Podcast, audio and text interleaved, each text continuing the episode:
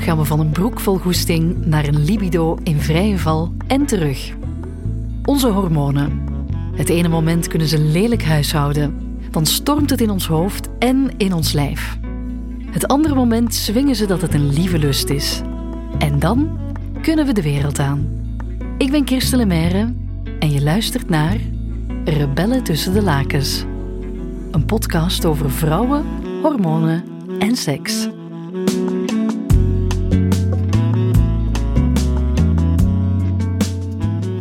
Deze aflevering seks en anticonceptie.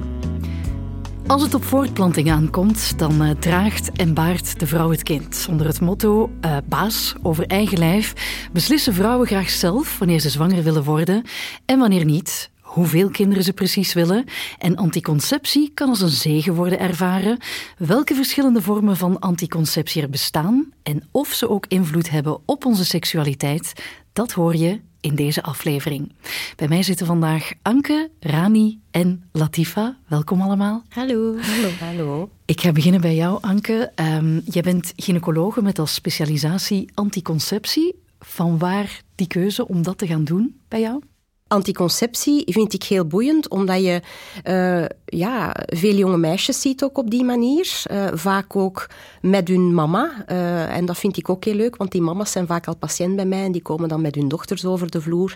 En ik merk toch wel dat echt wel nuttig is dat die, dat die meisjes bij ons over de vloer komen om, om juist geïnformeerd te worden en toch wat meer extra tips te krijgen. Ja, het is misschien moeilijk om daar een eenduidig antwoord op te geven, maar verkies jij een anticonceptiemiddel? Heb jij zo echt dat, van zo dat is eigenlijk gewoon mijn favoriet, punt? Nee, omdat dat er niet is. Okay. Dus uh, de anticonceptie is heel afhankelijk van de patiënt die voor u zit.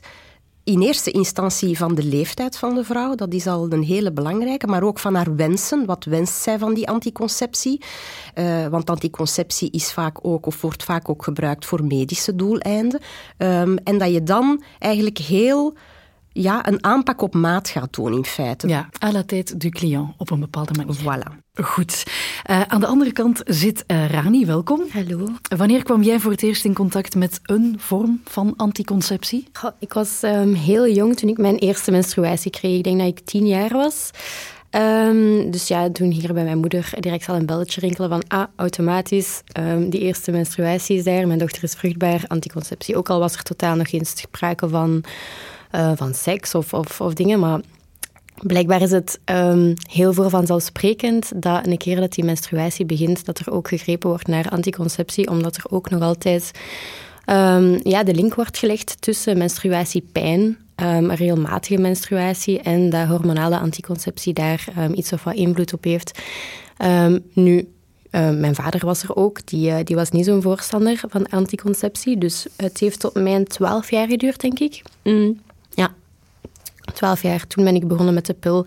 En voor mij, om eerlijk te zijn, was dat toen... Um, ja, was dat toen zo'n teken van wauw, ik ben vrouw, nu mag ik, nu mag ik de pil nemen, zoals mijn grote zus en mijn ja. oudere vriendinnen.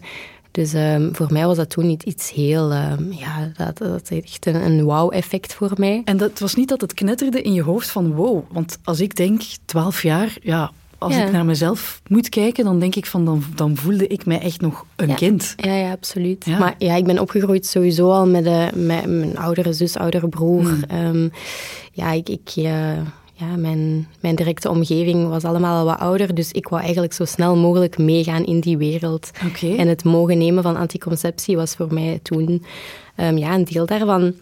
En um, ja, de dokter was ook niet, niet vies of zo om dat voor te schrijven. Die, uh, die had ook zoiets van, ah ja, dat is goed. Daar, uh, daar werd geen vraag bij gesteld. Okay. Dus dat was eigenlijk ja, heel normaal. Heel um, ja, um, nu achteraf, nu dat ik daar zo aan terugdenk, denk ik van, amai, dat is eigenlijk heel onverantwoord. Want mijn lichaam was nog in, in, ja, in, in volle groei. en ja, het is toch anticonceptie, het nemen van de pil, is toch wel een beetje het onderdrukken van uw natuurlijke hormonen en die gaan vervangen met synthetische hormonen. Hmm. We dus gaan er denk, zo meteen nog op ja. terugkomen, hè? maar welk anticonceptiemiddel neem jij momenteel? Geen. Geen? Nee, ik ben ondertussen vijf jaar um, anticonceptie, allee, hormonale anticonceptie vrij. Oké. Ja. Goed. We komen er nog op terug. Recht voor mij zit uh, Latifa. Uh, je hebt vroed, vroedkunde gestudeerd en je geeft cultuursensitieve workshops over seksualiteit aan jongeren. Dat lijkt mij heel interessant. Vertel eens even over die workshops. Wat doe jij precies? Ja, dus um, ik ga eigenlijk langs bij scholen, middelbare scholen, um, met een cultuursensitieve voorlichtingskoffer en allerlei leuke spelletjes. Ja. Um, en de bedoeling is eigenlijk om een heel open gesprek te hebben met die leerlingen. Dus niet echt les komen geven. Um, en we bespreken alle thema's die bij die jongeren um, liggen, waar dat zij vragen rond hebben. En dan probeer ik daar echt op in te gaan. Um, om daar een heel boeiende uh, namiddag van te maken. nu, de klassen van vandaag zijn niet meer de klassen van 20, 30 jaar geleden. er zijn aller, allerlei culturen, allerlei um, religies, hè, jongeren met, met migratieachtergrond. Um, en ik merk zelf, toen ik zelf jong was, heb ik heel hard uh, gemist om seksuele voorlichting te krijgen. Het was een mhm. heel groot taboe rond alles wat dat rond seksualiteit draait. En vandaar dat dat idee ook kwam. Um, omdat die ja, jongeren zoals mij dat echt gemist hebben. En over ehm, welke leeftijd hebben we het dan? Aan welke jongeren geef jij dat dan? Tussen de 12 en 18 jaar vooral. Gebruik jij zelf anticonceptie? Nee, niet meer. Um, ik heb nu een dochter van een jaar en een half. En sinds dat zij eigenlijk geboren is, uh, heb ik niets meer genomen. Oké, hoe wordt er binnen jouw gemeenschap over het algemeen gekeken naar anticonceptie? Nu, um, we hebben een hele evolutie achter de rug. Um, als ik kijk naar de generatie van mijn ouders, was anticonceptie echt not done. was echt niet oké. Uh, omdat daar echt wel speelde van wie anticonceptie neemt, krijgt geen kinderen. En dat is niet de wil van God. Um, er zijn dag van vandaag nog altijd mensen die met die gedachten leven, maar wat eigenlijk niet klopt. Nu, uh, mijn generatie denkt helemaal niet meer zo. Hè. We evolueren, we, religie evolueert ook mee. Mhm. Als ik kijk naar de dag van vandaag, uh, staan jongeren van mijn leeftijd daar ook helemaal open voor. En ook om dat gesprek aan te gaan. Um, dus daar is zeker een verbetering in. Goed, welkom alle drie in elk geval. Anticonceptie en seks, daar gaan we het over hebben. En we vroegen aan een aantal vrouwen of zij anticonceptie gebruikten. Ik heb vroeger altijd de pil genomen. Uh, vanaf mijn 17, hm. zoiets. En dan ben ik gestopt. Nu ongeveer twee maanden. Ongeveer, twee maanden en een half. Zoiets. En ik heb ook de pil gepakt vanaf mijn 16e. Um, maar vooral omdat ik mijn maandstonden wat meer wou controleren. En dan, um, ja, nu ook denk ik bijna een jaar ongeveer, heb ik een spiraal. Um, omdat ik altijd paranoia ben dat ik toch zwanger ben. Ik pak nog altijd de pil. Ik pak die al van mijn, denk iets, een paar weken voor mijn 14e verjaardag. Uh, wow. Maar ik heb die, ben die beginnen nemen omdat ik zoveel last had van die menstruatiekrampen. Ja, ja dat was ook de reden waarom ik start ja, was. Ja, ik kon dat niet houden. Ik kon ook niet op school blijven. Ik kon niet op mijn stoel blijven zitten. Dat was echt... Uh, te erg. Ja, Ik ben dat ook echt beginnen pakken, omdat dat bij mij... Ik bloedde zoveel. Mm dat, was, dat was niet normaal. Nee, dat was niet normaal. Dat was niet normaal momenten met examens in het middelbaar dat ik ja, ten einde raad dan moest ik in zo'n joggingbroekje van de verloren voorwerpen voor de rest van de dag naar de les. Ja, ik denk ook dat we daar allemaal gewoon zo vroeg aan beginnen. Als je 16 bent, of zelfs nu wel aan 14, je lichaam is nog volop in ontwikkeling. Hè? Pil is zoiets genormaliseerd dat, dat je ook niet gaat nadenken over wat dat eigenlijk doet met je lichaam, toch niet bewust.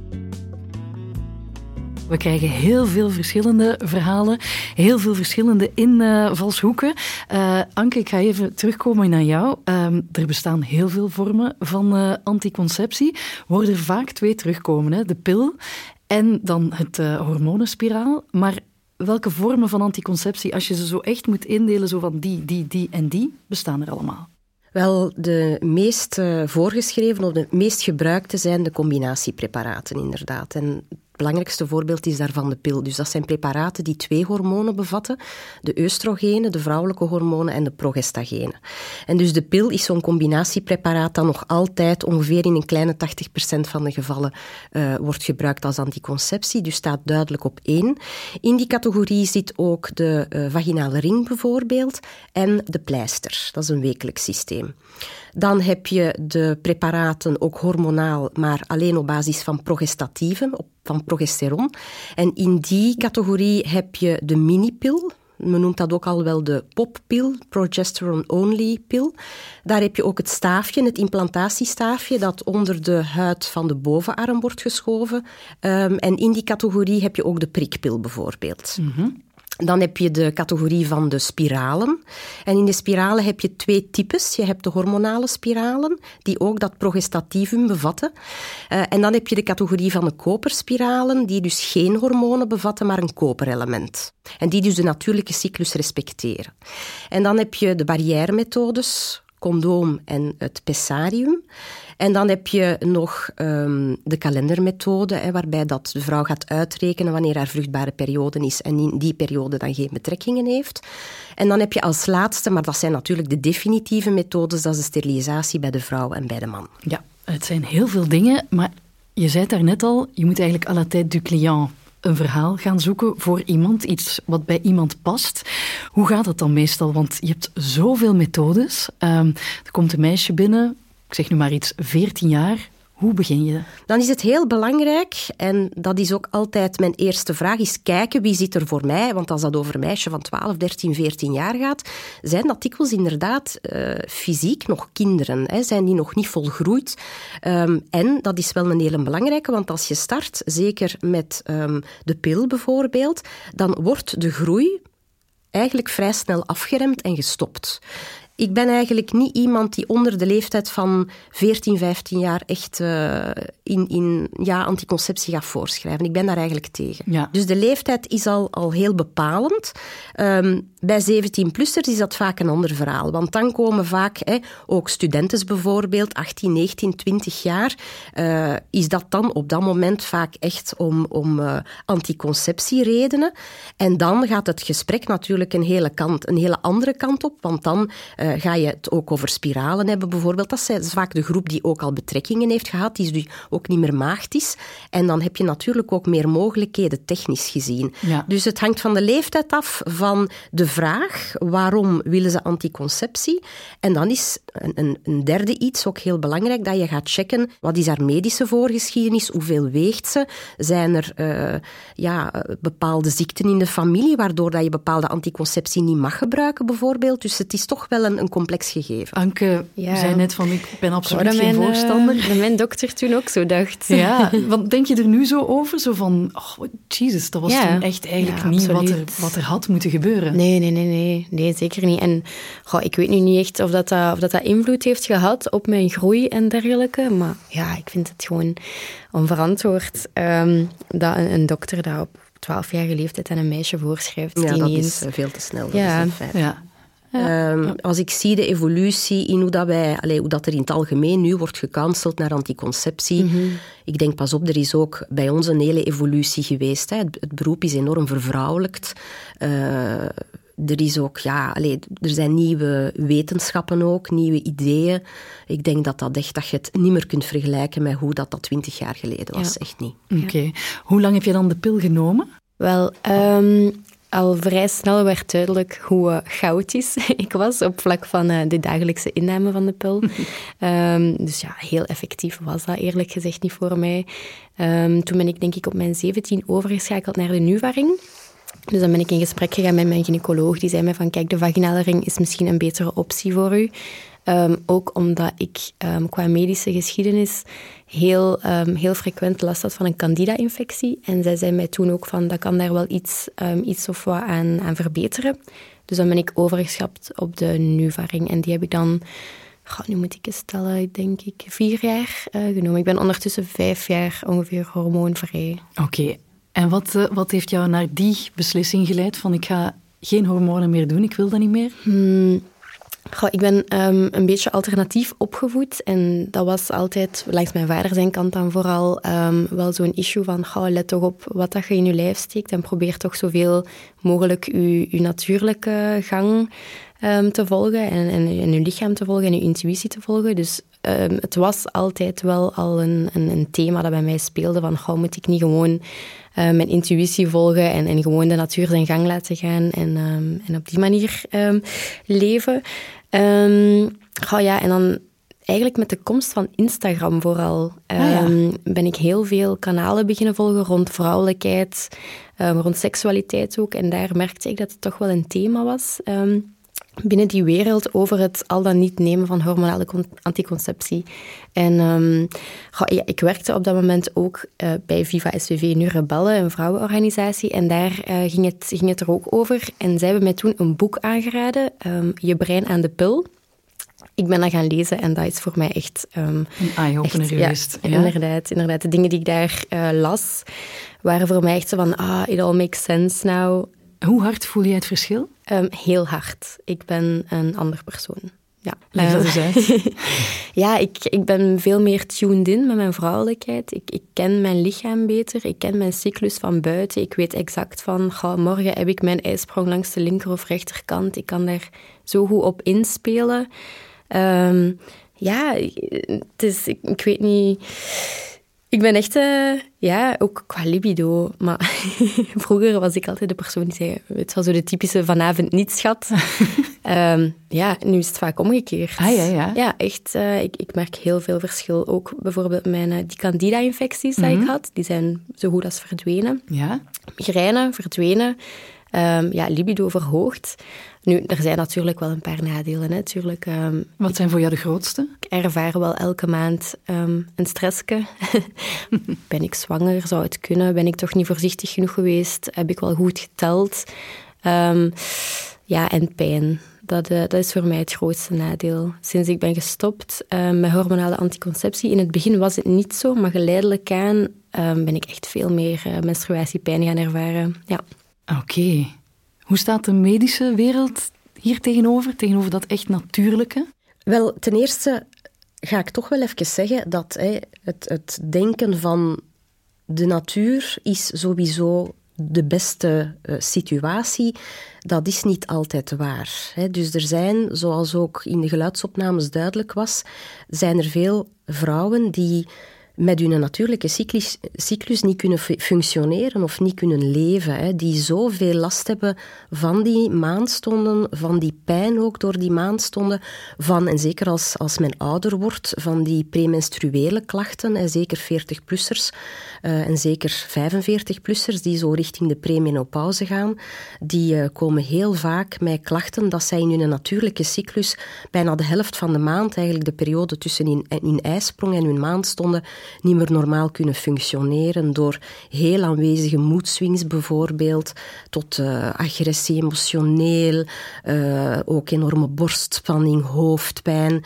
Eh, dus, dus ja, echt wel klachten waardoor dat ze zich echt niet goed in hun vel voelen. En als dat natuurlijk begint te domineren en al twee weken in de maand is, dan wordt dat op den duur heel vervelend. Dus ervan uitgaan, de natuur heeft voorzien dat maandstonden zijn een gevolg van een ijsprong. En een cyclus is eigenlijk met het doel om het menselijk ras te vrijwaren van uitsterven. Maar een, een bloeding elke maand bij een vrouw is een ontstekingsreactie. Een deel van dat bloed kruipt ook naar binnen via de eileiders. Je evacueert niet alleen naar de, naar de buitenwereld, maar een deel loopt via de eileiders ook tot in je buik. Dus eigenlijk moet je dat elke maand beschouwen als een inwendige bloeding. Dat geeft natuurlijk een reactie van het lichaam. Hoe meer gebloed, hoe meer bloed ook in die buik terechtkomt. Dus hoe meer ontsteking, hoe meer reactie. Dus ja, dat is natuurlijk geen, geen comfortabele zaak. En dat is niet voor iedereen weggelegd om dat ook gans zijn leven te verdragen. Hè. Als je dat kunt en je hebt een hele goede cyclus en weinig last van je maandstonden, why not? Hè? Absoluut. En het is helemaal waar wat dat uh, Rani zegt, dat je in een natuurlijke cyclus, hormonaal gezien, vooral als je jong bent, over het algemeen wel veel beter voelt, op, zeker op vlak van energie, van libido. Maar bij iets oudere vrouwen is dat toch wel een ander verhaal. Dus Ja. het, het is niet allemaal wit-zwart. Ik vraag me altijd af, zo, als gynaecologe, eh, heb je dan zelf al verschillende methodes zelf getest? Want dat is vaak de barometer om zo te weten van, ja, ik voel dit bij dat. Misschien is dat wel een goeie om dan... eh, hoeveel Ja. heb je er al getest, bijvoorbeeld? Eh, ik denk een stuk of vijf in totaal toch al. Dus eh, ja, en, en ook, ik ben eigenlijk met elke methode die ik al gehad heb in mijn leven, op dat moment heel tevreden geweest. Ja. Maar dus door omstandigheden en door ja, ouder te worden, eh, treden er dan andere symptomen op en, en andere wensen, zal ik maar zeggen. En verander je. En ik denk dat het ook belangrijk is als vrouw dat je u die vraag elke minstens tien jaar, en misschien zel- zelfs sneller, opnieuw moet stellen en dat je je anticonceptie opnieuw in vraag moet stellen. Want het is helemaal niet logisch dat je op je veertigste nog dezelfde anticonceptie van op je zeventiende inneemt, bijvoorbeeld. Ja, oké. Goed. Amai, we hebben nog superveel besproken. ik heb de indruk van, ik heb, ik heb duizend vragen. Goed, ik ga nog eens naar jou komen, Latifa. Je vertelde er daarnet al dat er wel nog wat werk aan de winkel is binnen, binnen jouw gemeenschap. Maar als je dan teruggaat naar jouw eigen verhaal, hoe ben jij zelf in contact gekomen met anticonceptie? Wel, eigenlijk nooit. Bam. ja, eigenlijk echt nooit. Ehm, ik heb ook heel vroeg mijn regels gekregen toen ik negen jaar was. Dus Oh. de vierde leerjaar. Ik ga dat nooit vergeten. Ja. Ehm, Was dat, was heel traumatisch dan waarschijnlijk. Ja, ik wist ook totaal niet wat dat was. Eh, maar ergens dacht ik zo van, oh, nu ben ik nu... Hè, zoals mijn oudere zussen. Maar ehm, ik had ook heel veel pijn. Ik ging soms echt niet naar school. Ehm, ja, de zwemlessen deed ik dan niet mee. Ehm, dus heel veel vragen van kindjes eigenlijk. Ja, kindjes. Ik noem dat nog kindjes, want vierde leerjaren zijn Tuurlijk. echt kinderen. Ja. Hey, waarom zwemt zij niet mee? En ik kan dat me heel goed nog herinneren. Ja. En dan, naarmate dat ik ouder werd... ehm, ja, je hebt, je, je hebt je regels, je hebt pijn. eh, maar de pil werd thuis echt nooit besproken. Want we hebben een heel... Ja, een cultuur die echt zegt van... Vanaf dat je de pil neemt, is dat eigenlijk de groene kaart van nu mag je seks hebben. Eh, en seks voor het huwelijk is verboden. En dat zijn echt waarden en normen dat ik echt heb meegekregen van thuis. En dat de dag van vandaag bij heel veel gezinnen met een islamitische achtergrond wordt meegegeven. Ehm, dus, ja, en, ja, dus ik ben er eigenlijk totaal niet mee opgegroeid. Ook niet naar pijn toe eh, of, of last van, van bepaalde... De medische redenen, zoals je zei. Ja. Ehm, en dan ben ik getrouwd in 2018. Nu is dat bijna vier jaar geleden. En dat was zoiets van, oké, ik ga seksuele betrekkingen hebben, maar ik wil nog niet direct zwanger worden. Maar ja, ik heb nu wel de chance, omdat ik vroedkunde heb gestudeerd, dat ik zo wat in de wereld van anticonceptie en hè, wel thuis hoor. Ja. Ehm, maar bijvoorbeeld mijn zus, eh, dat was echt zo van, ja, wat nu? Hè, getrouwd, hier, uw partner, uw vriend, degene dat je lief hebt, je hebt daar voor de eerste keer seks mee, maar je wilt niet zwanger worden. Dus die kennis van anticonceptie is echt een groot gemis. Ehm, het bestaat eigenlijk bijna niet. Nee. Ehm, dus ik ben dan zelf zo wat gaan opzoeken. Ik heb het dan ja, drie of vier maanden gebruikt, maar ik vergat het altijd. Ook Of de ja, pil dan? Ja, de pil, Ja. de pil. Ik vergat dat altijd. En ja, dus ik ben daar al mee gestopt. Ehm, dan hadden wij wel een kinderwens. Dat heeft dat toch nog twee jaar geduurd, tegen dat ik zwanger was. Ehm, en dan sinds de bevalling niet meer genomen. Oké. En niet, voor, niet echt om specifieke redenen of zo, totaal niet. Maar het, ja, ik dacht van, ik ga het proberen, de kalendermethode. En nu, het lukt eigenlijk wel. Ik kan En- dat eigenlijk echt wel goed ja, bijhouden. En hoe houd jij het bij? Want daar zijn ook heel veel methodes voor. Hè? Er Ja. zijn er die, die hun temperatuur elke ochtend nee. nemen. Er zijn er die een appje volgen, wat dan misschien Ja. niet altijd even waterdicht is, om het ja, zo te wel, zeggen. ik doe, ik doe de app. Ah ja, jij doet de en app. het lukt en het klopt. supergoed. Ja, ik kan ook, zoals Arani zei, ik kan echt mijn, weten wanneer ik mijn ijsprong heb. Ik kan heel goed weten van nu ga ik mijn regels krijgen, morgen of vanavond of vannacht. Ja. Ja, ik ben heel ingestemd op, mijn lichaam. Ehm, en het lukt echt goed. Ik, ik ga niet zeggen dat dat voor iedereen lukt. Hè. Allee, Zeg, iedereen en, mag echt- ik, sorry voor, voor Ja. jou te onderbreken, maar als jouw vruchtbare periode dan is, heb je dan effectief in die periode geen betrekking of gebruik je dan een condoom bijvoorbeeld? Nee, gewoon geen betrekkingen. Want daar zit natuurlijk wel een discrepantie in die zin dat de natuurlijke cyclus maakt dat je in je vruchtbare periode, dat, jou, dat daar jouw libido wel het hoogst is. Klopt. Klopt. Dus dat is wel een moeilijke. Want als je goesting hebt, mogen je niet vrijen. Nee, klopt. Maar dan inderdaad een condoom. Condooms heb ik altijd Voilà. thuis, dus dat is wel een optie. Ehm, maar ja, ik zeg niet dat het nog niet gebeurd is. Hè, dat ik tijdens de vruchtbare periode effectief betrekkingen heb. Maar ik denk dat ik ook een persoon ben die niet heel makkelijk zwanger wordt. Dus ik, daarom dat ik zeg, het is heel persoonlijk. Hè. Tuurlijk. Mijn zus bijvoorbeeld, die moet dat niet proberen. Die gaat direct zwanger worden. Ja, ik ben in verwachting geraakt tijdens dat ik op, op hormonale anticonceptie zat. En nu dat ik al vijf jaar zonder eh, zit eigenlijk, ja, Ja. het beter, precies. Ja.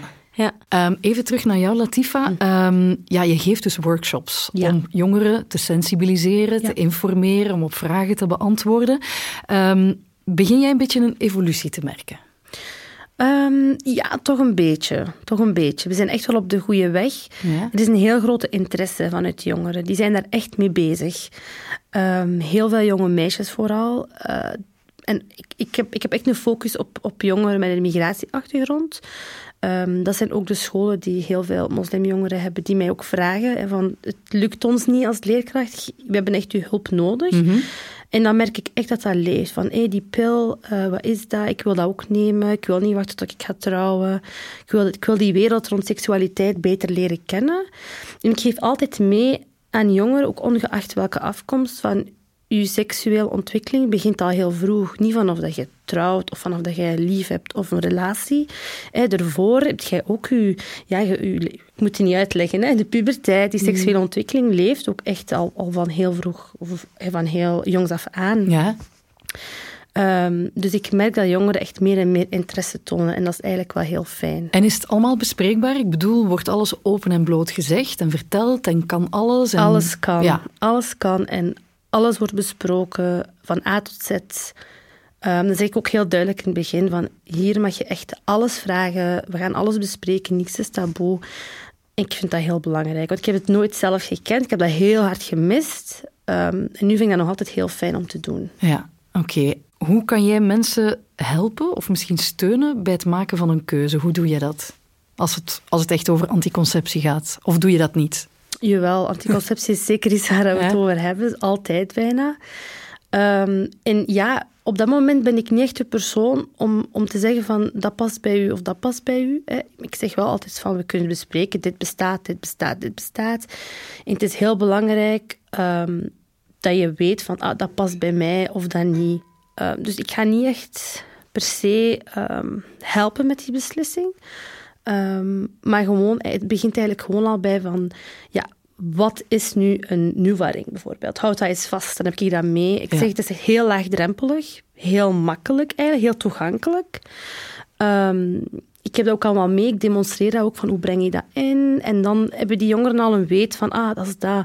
En dan hoop ik dat ze dan het gesprek met de ouders bijvoorbeeld aangaan, of toch met de huisarts of met de gynaecoloog, um, om dan te kijken van, ja, wat past bij mij? Ja, want merk je dat bijvoorbeeld, dat er heel veel jonge meisjes zijn die, die het dan wel allemaal aan jou vragen, maar dat, dat ze er bijvoorbeeld thuis nog niet mee ja.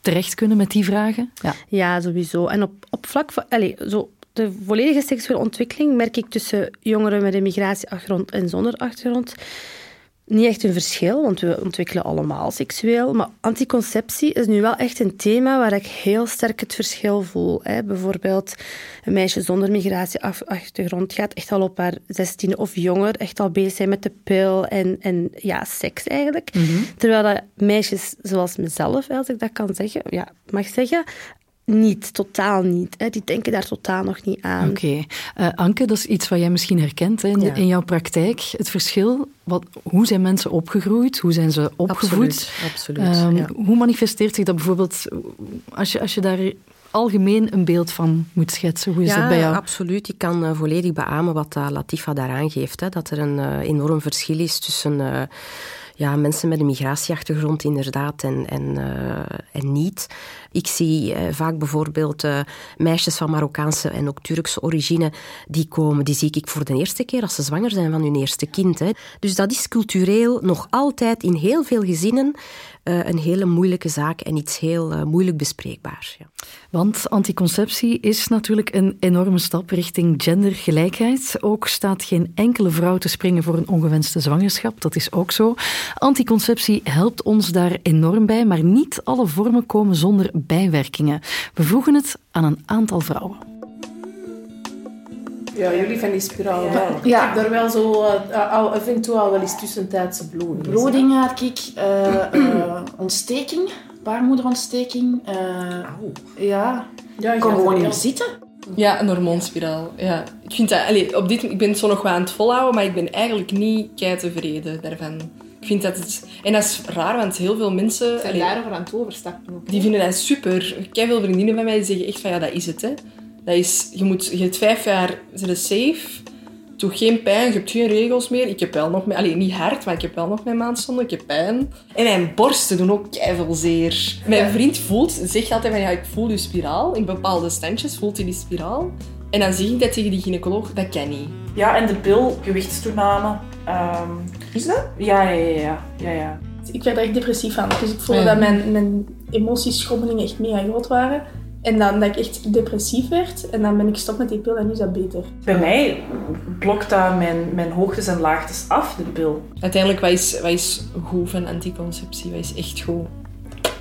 Ja, niks. Ik denk dat alles wel zijn kwaaltjes heeft. Ja, het is dat je dat oké vindt om altijd condoom te gebruiken. Maar het kost ook veel geld, sorry. Ja, dat kost- ja, dat kost kost ook veel veel geld, geld. En ik vind dat... Dat is lastig. Je moet ze altijd bij hebben. Je moet. Je moet altijd nog pakken als je in de Ja, dan is dat zo... Allee, wacht, wacht even, zei dat ook. Allee, dat is echt niet... Ik vind dat echt niet tof. Amai. Voor en naast van alles. Latifa, ik zag jou op een bepaald moment een geluidsloze what doen. Ja. Dat was op het moment van de spiraal, hè? Ja, bij die standjes. vond ik echt wel grappig. Ik was echt aan het denken in mijn hoofd van hoe... Ik heb dat ook al gehoord. Een vriendin van mij die zei dat ehm, dat, dat er een touwtje of zo uithangt. En dat, Het dat is een dat draadje. ook voelde. ja. Ja. Maar dan kan de gynaecoloog dat korter maken. Ja, ik zal eerst eens iets heel grappig vertellen. ik, zeg, ik zeg altijd aan mijn patiënten, eh, voordat ik een spiraal steek, of ook als ik een nuvaring bijvoorbeeld voorschrijf, want dat is uiteindelijk ook iets dat in de vagina zit, dan zeg ik, kijk, je zegt de komende twee weken niet aan uw man dat je zwart een spiraal, zwart een nuvaring hebt, en je doet gewoon gelijk altijd. En dan zeg je na een week of twee van, en schatje, heb je iets anders dan anders gezien? Of gevoeld liever. En dan zeg je, nee, nee, nee, waarom? Ah, en dan kun je het vertellen, ah, ik heb een spiraal. Want bij mannen zit het vaak tussen hun twee oren. dus daar begint het al mee. Ja. Want inderdaad, het enige wat ze überhaupt kunnen voelen, want dat spiraal zit volledig inwendig in de baarmoeder, daar geraakt geen penis in, want daar zit maar een gaatje van 2 millimeter in. Dus dat moet al heel klein geschapen zijn, dus dat lukt niet. dus het, het enige wat ze kunnen voelen is inderdaad dat draadje. Dat draadje is, is nog geen millimeter dik, hè. dat is zo, zo dun. Maar effectief, en daar zit vaak eh, de verkeerde gedachte, het is juist als we het te, te kort afknippen, dat ze het voelen. Want dan is het zo precies een stekkertje. En Ja. dat kan inderdaad, zeker bij bepaalde standjes, als de penetratie wat dieper is of wat rechtstreeks, meer rechtstreeks tegen de baarmoeder als, dan kunnen ze dat als een geprik ervaren. En dus ja, bijvoorbeeld op zo'n hondjes bijvoorbeeld, dus of, of bepaalde diepere penetraties, dan kunnen ze dat gewaar worden. Dat is de reden dat wordt aangeraden en dat wij meestal proberen van die draadjes ongeveer op een centimeter en een half à twee centimeter af te knippen. Dan zijn die nog ruim lang en dan plooien die tijdens de betrekkingen eigenlijk eh, aan de zijkant. En dan hebben ze daar meestal geen last van. Maar inderdaad, soms komen er patiënten na een week of zes zeggen van ja, mijn man voelt dat toch precies. Dan is het een kwestie van het nog korter te knippen vaak.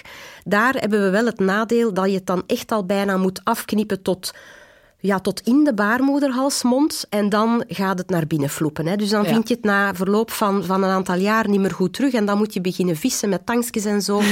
dat is misschien tof voor meneer, maar niet zo tof voor mevrouw. Nee, want sowieso rond die spiraal hangen, blijven die dingen hangen van oh nee, ik, ik, ik heb het altijd over de podcast sowieso met vriendinnen. En bij heel veel vriendinnen van mij is het nog steeds van maar dat doet toch ongelooflijk pijn, zo'n spiraaltje laten steken. Nee, dat valt eigenlijk bijzonder goed mee. Ten eerste is dat iets heel klein. Hè. Eh, bovendien is er eh, nu een spiraaltje op de markt gekomen dat echt een, een extra smalletje is, zal ik maar zeggen. Dus echt een klein modelletje. Speciaal ontworpen voor, voor jonge vrouwen die nog niet zijn zwanger geweest. Ehm, bij vrouwen die al bevallen geweest zijn, überhaupt, is het over het algemeen valt dat heel goed mee. Meestal kiezen wij ook de periode van de maandstonden om een spiraal te steken, omdat dan de baarmoeder sowieso wat open staat, dus dan is ze sowieso al gemakkelijker toegankelijk. En een baarmoeder die al een keer gebaard heeft, die heeft sowieso een, een ingang die wa, toch wel eh, toegankelijk genoeg is voor een spiraal, tenzij dat je een keizersnede hebt gehad, bijvoorbeeld. Ja. Dus er zijn een aantal voorwaarden. Ik zeg ook altijd aan mijn patiënten van, kijk, neem op voorhand toch voor de zekerheid een pijnstiller, een ontstekingsremmer of een dafalgan forte. Dus qua pijn moet ik zeggen, valt dat over het algemeen in 99% van de gevallen goed mee. Oké, en dan de pil, ja, die kennen we allemaal. Je hebt daarnet de twee hormonen al eens toegelicht, of de hormonen die daarbij betrokken zijn. Maar de impact van de pil zelf op ons lichaam, wat, wat is de impact eigenlijk daarvan?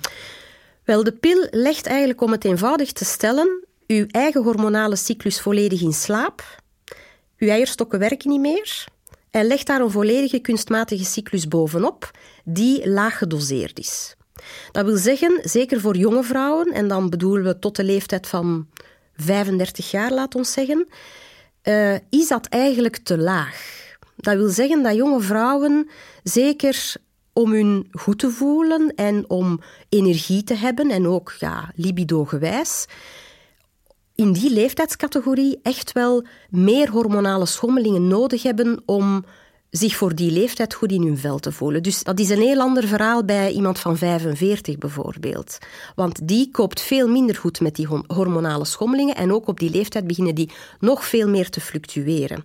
Maar dus effectief, die hormonale schommelingen, en dan zeker de schommelingen rond de ijsprong, zijn heel bepalend om... Uh, energie te hebben, om uh, libido te hebben. En dat heeft eigenlijk allemaal te maken, uh, biochemisch dan, met de hoeveelheid aan vrij testosteron in uw lichaam. Dus testosteron, ja, iedereen kent dat, dat is het mannelijk hormoon. En als je de pil neemt, de pil gaat een bepaald eiwit doen toenemen in uw lichaam en dat eiwit gaat dat testosteron gaan binden, waardoor dat er veel minder testosteron in uw bloed zit. En daardoor, ja, hoe minder testosteron, hoe minder energie, hoe minder libido, de drive gaat er wat uit.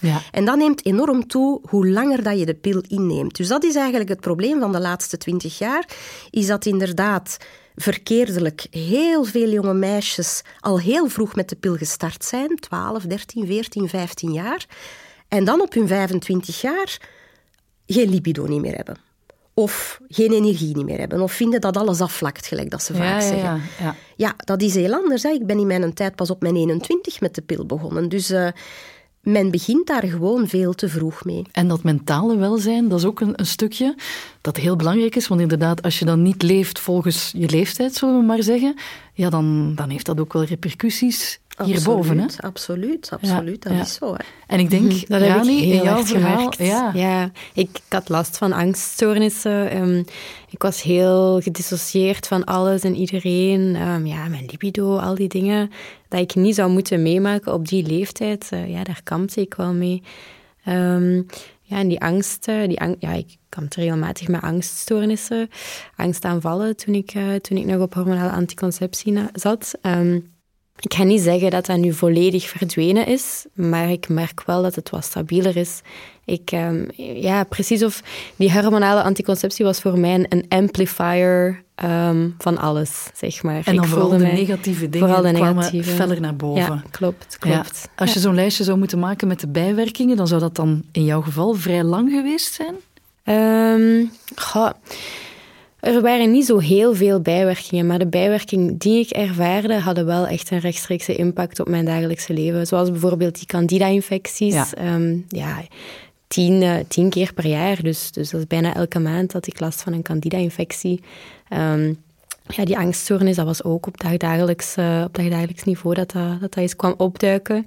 Dus uh, ja, Mm, daarom dat ik daar straks ook zei dat, dat mijn leven wel veel beter is nu, ik, uh, nu ik mijn natuurlijke cyclus volg. Ik... Ja, ik onthoud intussen al van je moet telkens in je leven op bepaalde momenten gewoon herbekijken welke, welke hm, anticonceptie of welke er niet moet mm. ingenomen worden. Um, de pil hebben we nu even belicht, een stukje van het spiraal, maar die hormonale impact van bijvoorbeeld een hormonenspiraal uh, of de prikpil, is dat dan hetzelfde als die van de pil? Of is dat helemaal anders? Dat is helemaal anders. Nu, om te beginnen uh, is het niet omdat de prikpil en de hormonenspiraal hetzelfde hormoon bevatten, dat die ook op eenzelfde manier werken, want dat is niet het geval. Dus een combinatiepil, de pil, maar ook de prikpil bijvoorbeeld, die werken hoofdzakelijk via het mechanisme van, zoals ik net zei, uw eigen hormonale cyclus in slaap doen en daar een volledige kunstmatige cyclus bovenop leggen. Dat wil zeggen, de eierstokken functioneren niet meer, je hebt geen ijsprong enzovoort. Het spiraal werkt op een heel andere manier. Het spiraal is veel lager gedoseerd, omdat het natuurlijk ter plaatse zit in de baarmoeder en dus rechtstreeks inwerkt op die voortplantingsorganen. Daardoor is de dosage, de concentratie aan hormoon veel, veel lager dan bijvoorbeeld in de prikpil, waardoor het geen of heel weinig remmend effect heeft op de werking van de eierstokken. Dat wil zeggen dat je ook met een hormonaal spiraal nog wel een natuurlijke cyclus hebt. Dus je hebt nog wel over het algemeen, dat is niet elke maand zo en ook niet de eerste maanden met dat spiraal, omdat dan, ja, dat is een nieuw spiraal, dan zijn de hormonen nog het hoogst. Ja. Maar laat ons zeggen dat je vanaf een maand of drie, vier met een hormonaal spiraal terug een normale werking van uw eierstokken hebt, een normale ijsprong hebt. En het is de ijsprong die bepalend is naar uw energieniveau, naar uw libidoniveau. Dus met een spiraal heb je veel minder onderdrukking van je natuurlijke cyclus. Het grote voordeel van zo'n spiraal is omdat het progesteron dat erin zit een rechtstreeks effect heeft op de binnenste laag van de baarmoeder, dat is het slijmvlies, gaat dat slijmvlies niet meer gelijk in een natuurlijke cyclus verdikken om dan op het einde van de cyclus af te brokkelen. Dat zijn de regels. Maar gaat dat progesteron maken dat dat slijmvlies de ganse maand dezelfde dunte behoudt als op het einde van de regels. Dus je hebt nog wel maandelijks die hormonale regelperiode. En je voelt dat vaak ook wel, want je borsten zijn dan wat gespannen bijvoorbeeld. Je voelt dat er wat gaande is in je buik.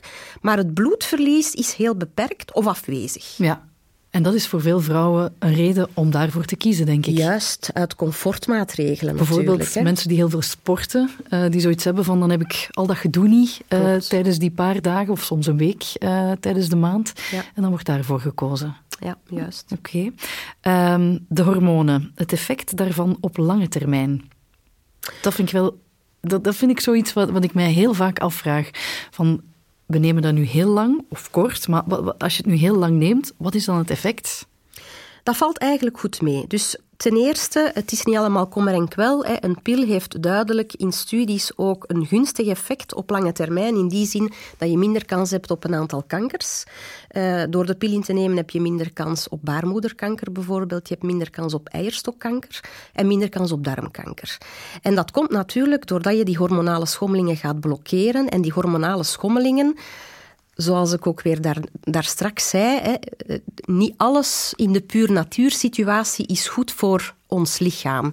Dus die overstimulatie maandelijks, door die natuurlijke cyclus vaak, kan soms wel cellen aanzetten om te veel gaan te prolifereren. Dus er zijn veel vrouwen die ook in hun natuurlijke cyclus aanleg hebben om kisten ter hoogte van de eierstokken te maken, mhm. bijvoorbeeld.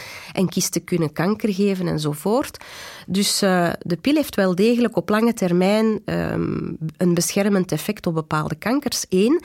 Het is wel zo dat wanneer je lange tijd de pil inneemt en dat je dan stopt met de pil, dat er wel een, een na-ebbend effect kan zijn gedurende een aantal maanden. En dat kan vervelend zijn als je wil zwanger worden, bijvoorbeeld. Oh dat ga je veel minder hebben met een spiraal. Dus het spiraal van zodra dat het eruit is, ben je eigenlijk binnen de maand terug, omdat je, ja, zoals ik al zei, je hormonale cyclus wordt eigenlijk veel minder onderdrukt of niet onderdrukt. Dus je gaat na pil zien we vaak een, een pilmoeheid, noemen wij dat. Um, waarbij dat de cyclus tot ja, soms zelfs zes maanden of een jaar heel onregelmatig kan zijn. De eerste drie, vier maanden zelfs niet kan doorkomen. Dus uh, die pilmoeheid zie je wel uh, na langdurig pilgebruik gemakkelijk optreden. Dat is zo. Oké, als ik jou dat allemaal hoor vertellen, denk ik van ja, dan is de spiraal toch de beste keuze? Maar dat is niet zo simpel. Ook weer niet voor iedereen. Ten eerste is het technisch toch niet zo simpel van het te plaatsen, zeker niet bij jonge vrouwen. Hmm. Twee, je hebt toch wel een, een belangrijk percentage die spotting heeft, dus uh, tussenbloedingen, tussentijds bloedverlies, zeker met het kleinere modelletje van het spiraal, dat nog lichter gedoseerd is. En wat door de uh, studentes, jonge vrouwen, uh, automatisch uh, moet geplaatst worden, omdat die nog niet zijn zwanger geweest. Dus daar zie je toch wel dat maar 18% geen regels heeft. En dus meer dan 80% nog wel een vorm van maandstonden, vaak onregelmatig. Dus ja, dan moet je er dat maar bij nemen.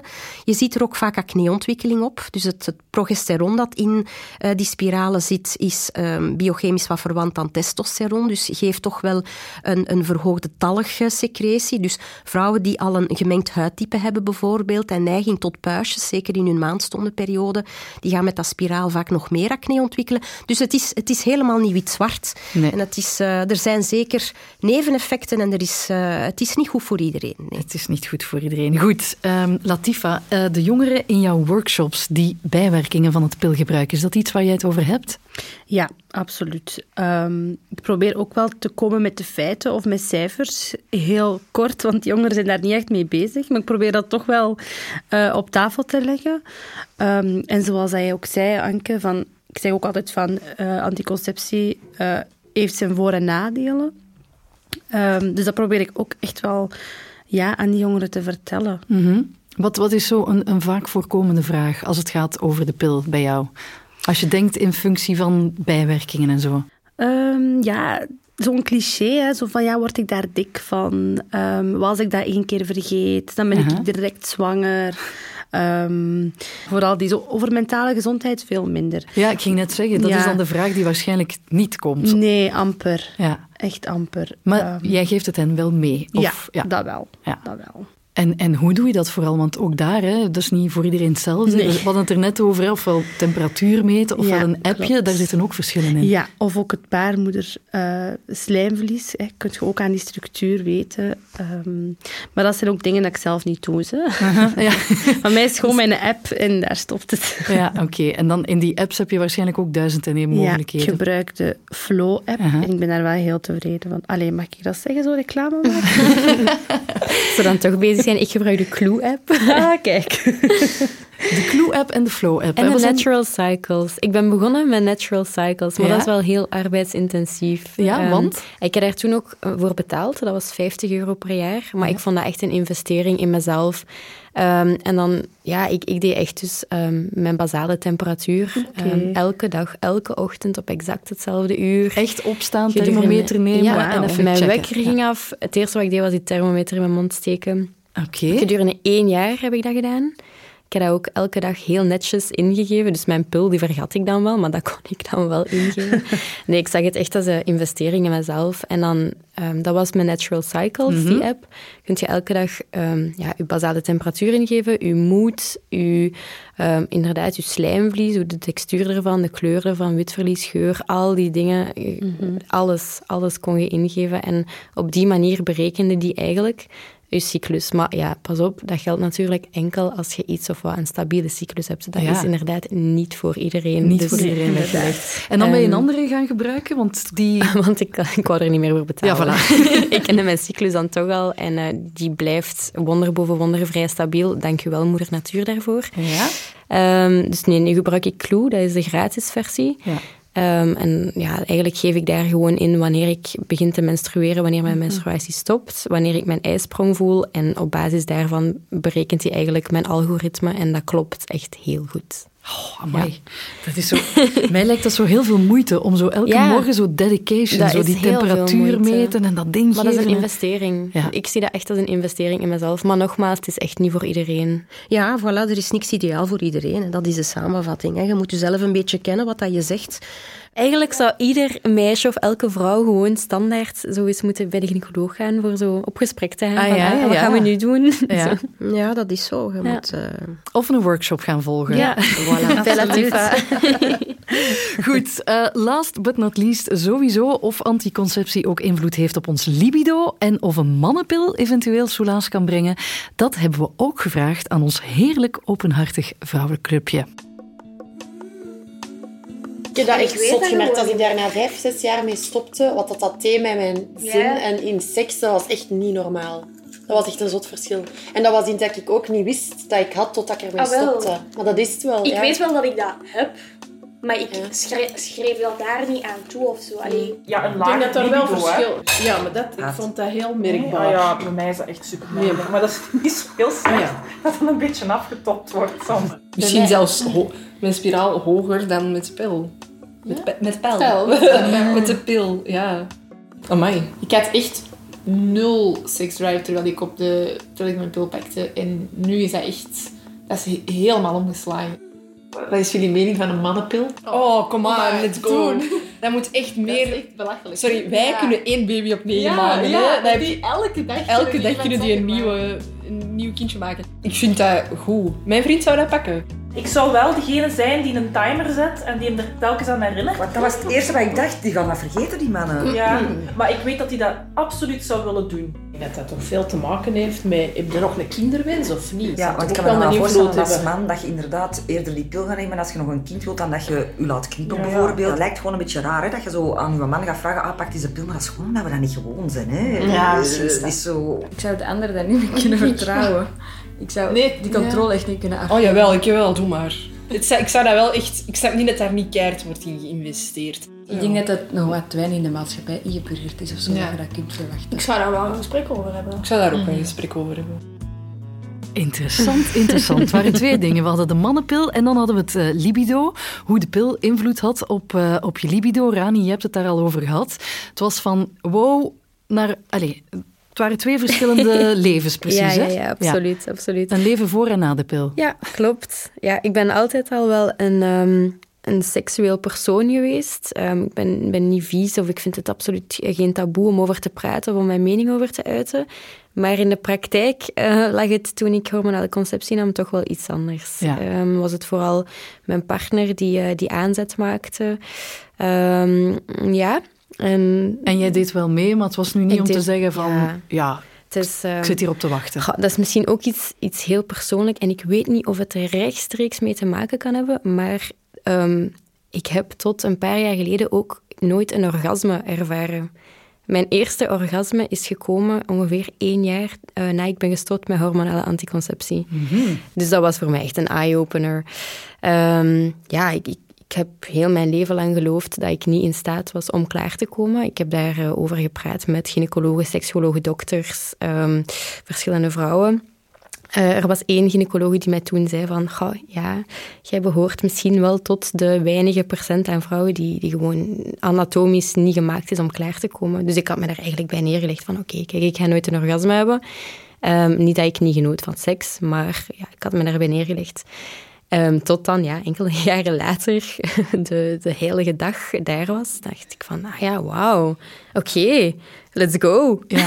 En, en dat weet je echt alleen maar daaraan? Nee. Want het kan ook aan iets anders liggen. Hè? Het kan ook aan een bepaalde techniek liggen die, die tot dan toe nog niet toegepast werd. Ja, uh, of een standje of weet ik veel wat. Nee, nee, nee absoluut. Um, maar het is wel zo dat ik... Um, ja, toen ik nog de pil of de Nuvaring nam, niet zo experimenteel was, omdat ja. mijn hoofd er gewoon niet naar stond. Mm. Um, en dan bij het stoppen van de hormonale anticonceptie begon ik wel wat meer um, research te doen en, en wat meer te experimenteren. En, en zo van het een is aan het ander gekomen.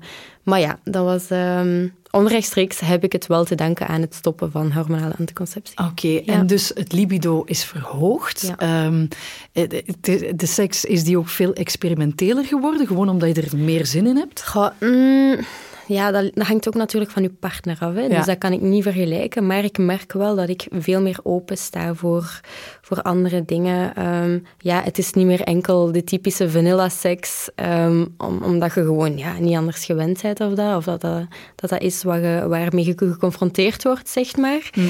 Um, maar um, mijn leven op seksueel vlak is alleszins beter geworden na het stoppen. Zeg, en die mannenpil, mocht die bestaan? Hell yeah, laat maar komen. Um, ik heb zoiets van, goh, we zijn net uit een pandemie. Allee, we hebben net een, een pandemie zo goed als overleefd. Um, vaccins zijn er gekomen op, uh, op hele korte tijd. Waarom de hel is er nog geen mannenpil na al die jaren? Maar je zou wel dat vertrouwen geven aan jouw partner ja, en dat, dat ook vertrouwen van die, die gaat dat nemen. Absoluut, want een kinderwens is iets dat je met twee bespreekt, dus dan moet je daar alle twee de verantwoordelijkheid voor nemen. Ja, oké. Ja, maar er, is, um, er was een mannenpil op de markt, of daar is onderzoek naar gedaan. De reden dat dat niet is doorgekomen, is omdat de bijwerkingen acne zouden zijn, hoofdpijn, um, vertikken. Zo eigenlijk alle, alle bijwerkingen die wij als vrouw ook ervaren. Maar ik denk, zolang dat wij in een, in een patriarchaat leven, dat, uh, ja, dat het er niet echt door gaat komen. Dat er geen mannenpil komt. Nee, maar er is hoop. Goed, ik koppel nog even terug naar jou, uh, Anke. Um, die mannenpil, ja, wat, wat, wat, wat, hoe ver staan we daar? Of hoe ver staan we daar helemaal nog niet? We staan daar nog niet ver en dat heeft meerdere redenen. Um, bon, farmaceutische firma's denken natuurlijk ook uh, vooral in de richting van uh, commercieel oogpunt. Hè. En uh, ik vrees een beetje dat dat uh, niet goed gaat verkopen. Het is niet interessant genoeg. Dus ze vinden het financieel niet interessant om daar verder onderzoek en, en verder geld in te steken. Dat is één. Twee, ik vind dat inderdaad die hypothese heel mooi en ik ben daar ook absoluut voorstander van. En ik raad mijn patiënten ook heel vaak aan van hun man, als er, een definitieve, als er definitief geen kinderwens meer is, van hun partner te overtuigen om een vasectomie te laten doen, om dus om de man zich te laten steriliseren. Maar als ik zie in, in welk een heel beperkte uh, percentage dat dat ook überhaupt lukt, ja, dan, dan kan ik daaruit besluiten dat er ook met die mannenpil weinig gegadigden zullen zijn. Bovendien, allee, er staat altijd van alles in een bijsluiter. Hè. En, Tuurlijk. En Ook die, die sterilisatie. Hè. Mannen moeten nog maar denken, en dat is dan helemaal niet waar in het geval van de sterilisatie, dat ze daardoor uh, erectiestoornissen gaan krijgen of dat daardoor hun, hun, libido gaat verminderen. Dus eigenlijk allemaal fake news. Ja. Uh, maar bon, de, het gedacht alleen al is al voldoende om te zeggen van nee, ik ga dat niet doen, want dat gaat mij uh, impotent maken. Voilà. Ja, dat libido. Ehm, het pilgebruik heeft invloed op ons libido. Dat, uh, dat hebben we al uitvoerig uh, besproken. Uh, welk voorbehoedsmiddel heeft dan het minst effect op ons libido? Ja, alles wat de natuurlijke cyclus niet onderdrukt, hè, zijn de koperspiralen bijvoorbeeld. Ja. Een hormonaal spiraal ook veel minder, zoals ik daar straks al uitlegde, omdat die ook de, de eierstokfunctie niet gaat onderdrukken. Maar los daarvan wil ik toch wel even zeggen dat het, niet alleen, het libido is bij een vrouw niet alleen afhankelijk van dat testosteron of, is niet alleen hormonaal bepaald. Hè. Dat is in de jongere groep van vrouwen wel sterk afhankelijk van dat testosteron. Maar laat ons zeggen dat dat ook heel veel te maken heeft van hoe wij denken, hoe onze hersenen uh, werken, hoeveel stress dat er is, hoeveel druk in het huishouden. Dus ja. zien we dat dat libido niet meer zo sterk afhankelijk is van het al dan niet gebruiken van anticonceptie, maar veel meer afhankelijk is van al die andere factoren die maken dat er zo'n druk leven is, dat ze gewoon nog maar heel mm -hmm. weinig tijd hebben om überhaupt met hun relatie bezig te zijn in eerste instantie, van daarin te investeren, ook hè, persoonlijke investering, zoals Rani aangeeft. Oké, okay, dus het heeft soms vaker te maken met even de planning herbekijken, een beetje self-care, mm. uh, zoals jij daar, ja. daar, daarnet aangaf, en, en gewoon eens kijken van, ja, is er, is er gewoon tijd soms? Hebben we genoeg tijd, maken we genoeg tijd voor elkaar op die manier. Maar zeker in, in de jongere generatie die nog niet uh, aan een gezin zijn, eh, vooral de twintigers zal ik maar zeggen, daar absoluut kan dat uh, een, een, serieuze impact hebben op het libido. Dat is zeker waar. Oké, okay, Latifa, de mannenpil. Is dat iets dat bespreekbaar is in jouw workshops? Ja, sowieso. Alles is bespreekbaar. Maar ik deel zo'n beetje de mening van Anke. Ik denk niet dat dat we leven echt in een mannenwereld, vind ik. Dus ik denk, ook al is die pil er, ik denk niet dat dat zo... Ja, mannen kunnen dat niet zoals ons. nee. Omdat het inderdaad niet over zichzelf gaat op dat moment. Ja, Zij lopen geen gevaar, tussen aanhalingstekens. Nee. Um, de meisjes die jij dan bereikt, denken zij daarover na? Ja, toch wel ja. hoor. Um, ja, ook van ja, waarom moeten wij al die zorgen dragen? Wij moeten al zwanger zijn. Dus ja, het is zeker wel iets dat, uh, dat op tafel komt. Ja, logisch ook. Hè? En ja. over seks moet gebabbeld worden, mag gebabbeld ja, worden. Um, hoe zit dat bij jou, zo met, met je zussen en je vriendinnen? Wordt er veel gepraat en openlijk gepraat over seks? Nu, vroeger, vroeger dan spreek ik over dat we nog thuis woonden en allemaal niet getrouwd waren. Hè. Um, niet, totaal niet. We spraken echt niet over seks, over onze menstruatie, over de puberteit. Dat werd bij ons echt niet besproken. Ook al waren we ja, vier meisjes thuis. Ja? Sliepen we allemaal op dezelfde kamer bijna. Het kwam echt niet... Ja, ik, ik, ik, probeerde, ik was dan de enige zus die probeerde van... Hé, heb jij al je regels en dat en dat en dat? Maar dat kwam er toch niet uit. En nu dat we alle vier getrouwd zijn, begint dat zo wat. Maar nog niet Um, ja, zoals ik doe met mijn vriendinnen bijvoorbeeld. Nee? Ja, dat taboe leeft daar wel. Maar ik probeer dat altijd echt los te trekken. En dan, als mijn mama erbij zit, dan zie ik haar ook kijken van, je gaat toch niet weer beginnen, hè? Ja, ja. maar ik probeer het, als we samen zijn, toch altijd wel even te hebben over relaties en, en over, over seks en over ja, alles wat daar rond leeft. Ik vind dat zo belangrijk. Ja, want... Uh dat, dat stel ik, ik weet nu niet of jij een zoontje of een dochter Een dochter. Hebt. Ja, ja, dat wordt interessant, hè? Heel interessant. hoe zie jij ja. dat? Want ja, die is, die is nu nog heel klein, maar ja. hoe, hoe, hoe ga jij dat aanpakken? Ja, ik heb er al heel hard over zitten nadenken. Um, nu, mijn ouders ik ben heel trots op mijn ouders. Ze hebben ons echt alles gegeven. Dus ik wil het sowieso doen als hun. Maar op vlak van seks niet. Ja. Daar ga ik geen voorbeeld van nemen, want ik wil het echt ja, heel open met haar bespreken. Ja. En heb je de indruk dat dat bij andere families ook al zo is? Of dat dat zo gaat worden? Of Als je dan je vriendinnen of je zussen hoort, denk je van, tju, jong, hier is nog heel veel werk. Ja, nee, ik denk niet dat iedereen denkt zoals mij, als ik dat mag zeggen. Ik denk dat we echt wel nog werk hebben. Ehm, maar ja, ik probeer dat zoveel mogelijk ook aan mijn zussen en vriendinnen en aan mijn omgeving te zeggen van, dat is kei belangrijk, we moeten daar geen taboe van maken. Uh, spreek met je kinderen over seks, spreek met je partner over seks.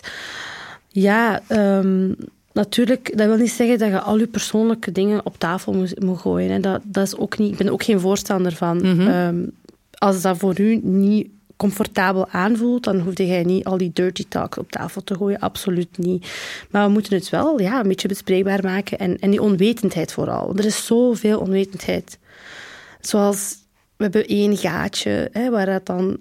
Ja, gewoon één vagina, ook waar de urine uitkomt. Zodat al die dingen, dat klopt ik kan daar soms zo ja, niet kwaad van worden, maar nog altijd denken meisjes van 16, 17 jaar dat wij gewoon één opening hebben. Dus... Zelfs de basics zijn nog ja. heel moeilijk. Ja. dat is zo. Dat is echt dramatisch hoe slecht dat vrouwen hun eigen anatomie kennen. Ja, dat is echt opmerkelijk. We gaan echt terug naar het ding dat er echt bij de gynaecoloog zo'n zo'n vorm op de, op de tafel staat dat je echt moet uitleggen hoe het zit. Of, ja, uh, absoluut. Ik zeg altijd, teken nu een keer een vulva. Een vulva, wat is dat? Uh, uh. Want ja, we noemen het allemaal een vagina, maar op zich, het is niet echt een... Allee, de vagina is gewoon de opening. Hè. We hebben daar alles rond. En dat is bij 9 van de 10 fout. Ja. Mm. Dus dat is, en eh, vrouwen kennen hun anatomie niet, maar hun partners ook niet. Hè? Nee. Dus daar zit ook een het deel van het waar is het clitoris-debat. Ja, voilà. Dat, uh, ja, ik denk dat we hier nog een volledig nieuwe podcast aan kunnen ophangen. Zo van, hoe, hoe, wat, wat, wat, wat zijn de juiste delen tegen ja, het is? Ja, dat is wel, dat is wel opvallend, hè? Ja, ik geef heel veel seksuele opvoeding en niet alleen aan 18-jarigen. Ik kan u zeggen... Uh... Ah ja, oké. Okay. Ja, ik verschiet er wel een beetje van eigenlijk. Zoiets als libido, is dat iets wat bespreekbaar is? Ja, ook niet echt. Dat is ook wel echt een heel gevoelig thema. Ja? Ja, als je openlijk zegt van ik heb goesting, dan is dat zo van, ja, houd dat voor jezelf. Dat is privé. Mm. Um, en ik snap dat, als mensen dat privé willen houden, super, dat is oké, hè. Maar ik vind het wel ook belangrijk dat mensen weten, ah, wat is dat libido? Dat, dat, als je goesting hebt in seks, dat mag, hè, dat kan. Dat is niet, dat is niet erg of dat is, dat is toegelaten, hè. Zo van, dat gevoel wil ik vooral geven, van het mag. Ja, daardoor uh, wordt seks eigenlijk nog altijd vaak als iets pervers en vulgair gezien. Hè, terwijl dat en zeker een libido van een vrouw. Hè? Ja. ja. dan zeg je eigenlijk bijna een... een slet. Ja, voilà. absoluut. En een man is, is positief. Hè? Ja, ja, ja. ja. Gezond. Die is gezond en een vrouw is een slet. Ja, oké, okay, daar komt het op neer. Ja. Jongen, jongen, jongen. Zijn we nog iets vergeten? Want we hebben zodanig veel besproken. Ik vond het heel interessant. Heel interessant. Ik weet niet of er nog iets is. Anke, denk jij nog aan iets? Wel, ik denk dat er uh, heel goede websites ook zijn over anticonceptie, uh, over seks ook, over, over voortplanting. Uh, www.mijnvoortbehoedsmiddel.be. Je hebt een Gin Co bijvoorbeeld. Ja. dus ik denk als je vragen hebt rond anticonceptie of, of, of je weet het allemaal zo goed niet, één, probeer eerst opzoekingswerk te doen, maar ga dan niet zelf aan het werk. Speel niet zelf dokter Google. Uh, ga toch met een arts praten. En dan komt dat heel ver. En die à la tête du client is ook iets wat we moeten onthouden. Voor iedereen is het een ander verhaal, voor iedereen een andere anticonceptie, voor iedereen een ander gevoel. Latifa, Anke en Rani, het was heel fijn praten met jullie alle drie. En ook heel interessant. Uh, heel erg bedankt daarvoor. Dank je Graag gedaan.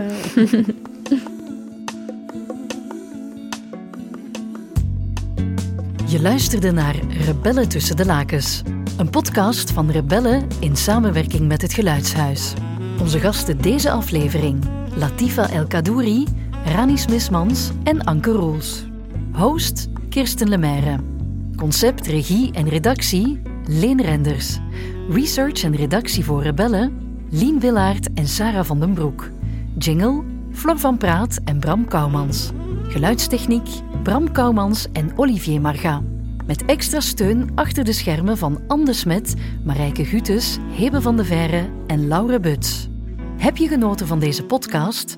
Laat dan een recensie na. Zo vinden anderen ook de weg naar deze podcast. Benieuwd wat Rebellen nog zoal doet? Surf naar rebellen-vzw.be of vind ons op Facebook en Instagram.